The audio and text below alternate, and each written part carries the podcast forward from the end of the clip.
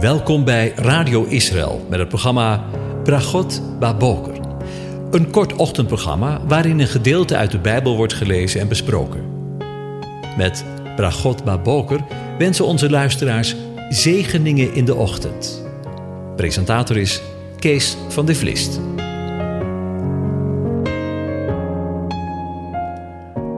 Goedemorgen luisteraars.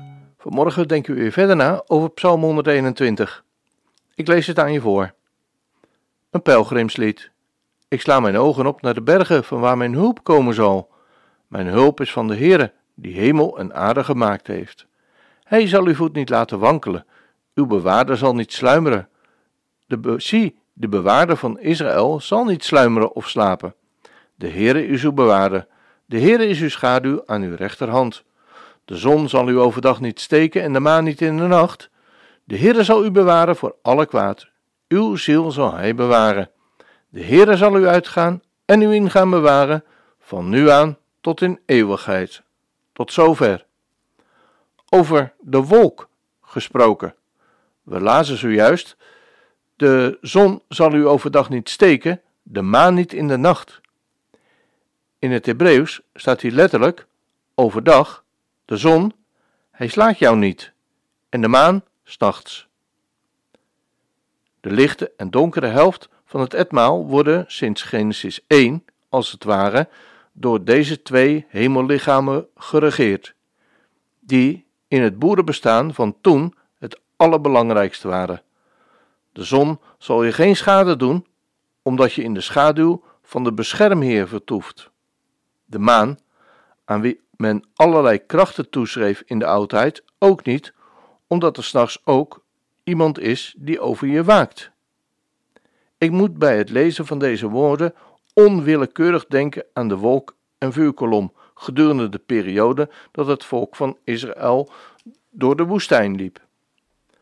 De Heere ging voor hen uit, overdag in een wolkolom, om hun de weg te wijzen, en s'nachts in een vuurkolom, om hun licht te geven, zodat zij dag en nacht verder konden trekken. Hij nam de wolkolom overdag en de vuurkolom in de nacht niet weg, voor het aanblik van het volk van God. Nu heb ik altijd gedacht dat, zoals we zojuist gelezen hebben, dat de wolk en de vuurkolom er waren om de weg te wijzen. En dat was natuurlijk ook zo. Maar er is nog een aspect waarom God de wolk en de vuurkolom het volk van Israël schonk toen zij door de woestijn moesten trekken. Ik realiseerde me dat toen ik een jaar of dertien geleden voor het eerst door de woestijn in Israël trok. Ik kan je vertellen dat als de zon daar overdag brandt, dat het daar bloed, maar dan ook bloedheet kan zijn. En ben blij met elk streepje schaduw dat er is, om beschutting te zoeken voor elk streepje zon. En toen we s'nachts een keer in de buitenlucht in de woestijn bleven slapen, was het daar stik en stikdonker. Pas toen begreep ik dat God niet alleen de wolk en de vuurkolom had geschonken om hen de weg te wijzen in de woestijn, maar dat hij ook deze gegeven had als beschutting voor de stekende zon die overdag in de woestijn was. En hij gaf hen beschutting. En omdat het volk ook in de nacht reisde, gaf hij hen ook een vuurkolom. Hij zorgde voor licht, zodat zij niet alleen de weg konden volgen, maar zij ook hun voet aan geen steen zouden stoten en erover struikelen. En er liggen wat steen in de woestijn. Als je er een keer geweest bent, dan weet je dat. Het ligt er als het ware bezaaid met stenen. Op deze manier zorgde de Heer voor zijn volk gedurende de hele reis. De reis die veertig jaar duurde. Veertig jaar stond voor een heel geslacht, een heel leven. De metafoor is duidelijk. Ook wij, jij en ik, zijn op weg door de woestijn van het leven, je hele leven lang. We zijn nog niet op onze bestemming, maar ook in ons leven laat God ons weten dat we onder Zijn bescherming, onder Zijn wolkolom en onder Zijn vuurkolom mogen leven. Hij geeft die. Hij wijst jou en mij de weg in het leven. Van dag tot dag wijst Hij je de weg. en mag je onder Zijn bescherming leven. En in de nacht van ons leven, op de momenten dat het stikdonker is, zorgt Hij voor de vuurkolom. Die zorgt dat je niet verdwaalt en je voet aan geen steen stoot en struikelt. De wolk en de vuurkolom zijn de beelden van de bescherming en Zijn woord. We vinden beschutting in Zijn woord, onder Zijn vleugelen, en Zijn woord geeft licht. Maar er zijn wel twee voorwaarden. Om gebruik te kunnen maken van de wolkolom moest je wel onder de wolk en de vuurkolom blijven. Anders liep het niet goed met je af.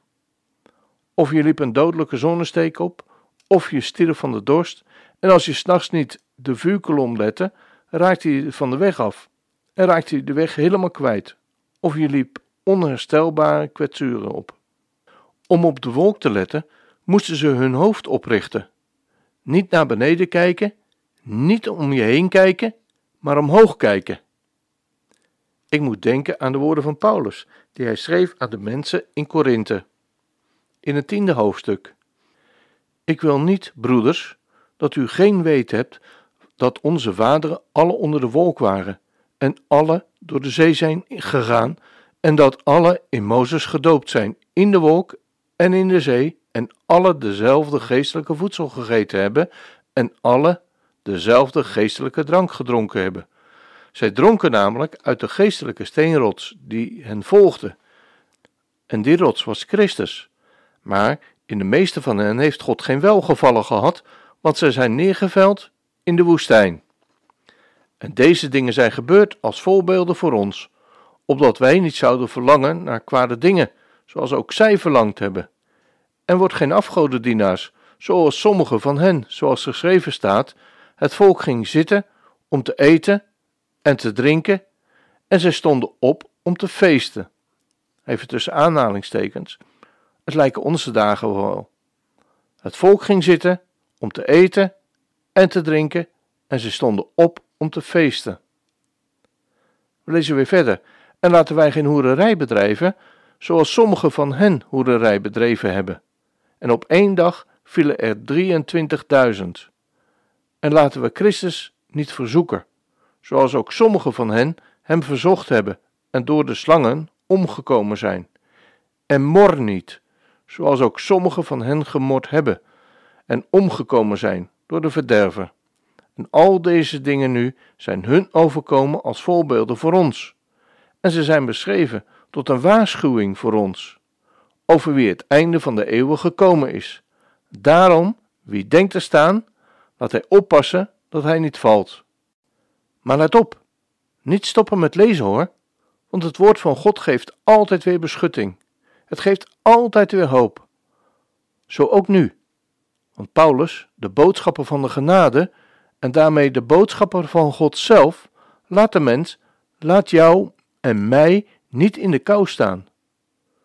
Zoekt ons altijd weer op. Weet je nog, in de hof, in Genesis 3, toen we totaal verdwaald waren, hoor je hem roepen: Adam, mens, waar ben je?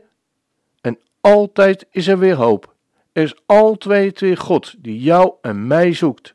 Luister maar naar de woorden waar Paulus dit gedeelte mee afsluit. Meer dan een menselijke verzoeking is u niet overkomen. En God is getrouw. Hij zal niet toelaten dat u verzocht wordt boven wat u aankunt, maar hij zal met de verzoeking ook de uitkomst geven om die te kunnen weerstaan. Ik wens u een van God gezegende dag toe.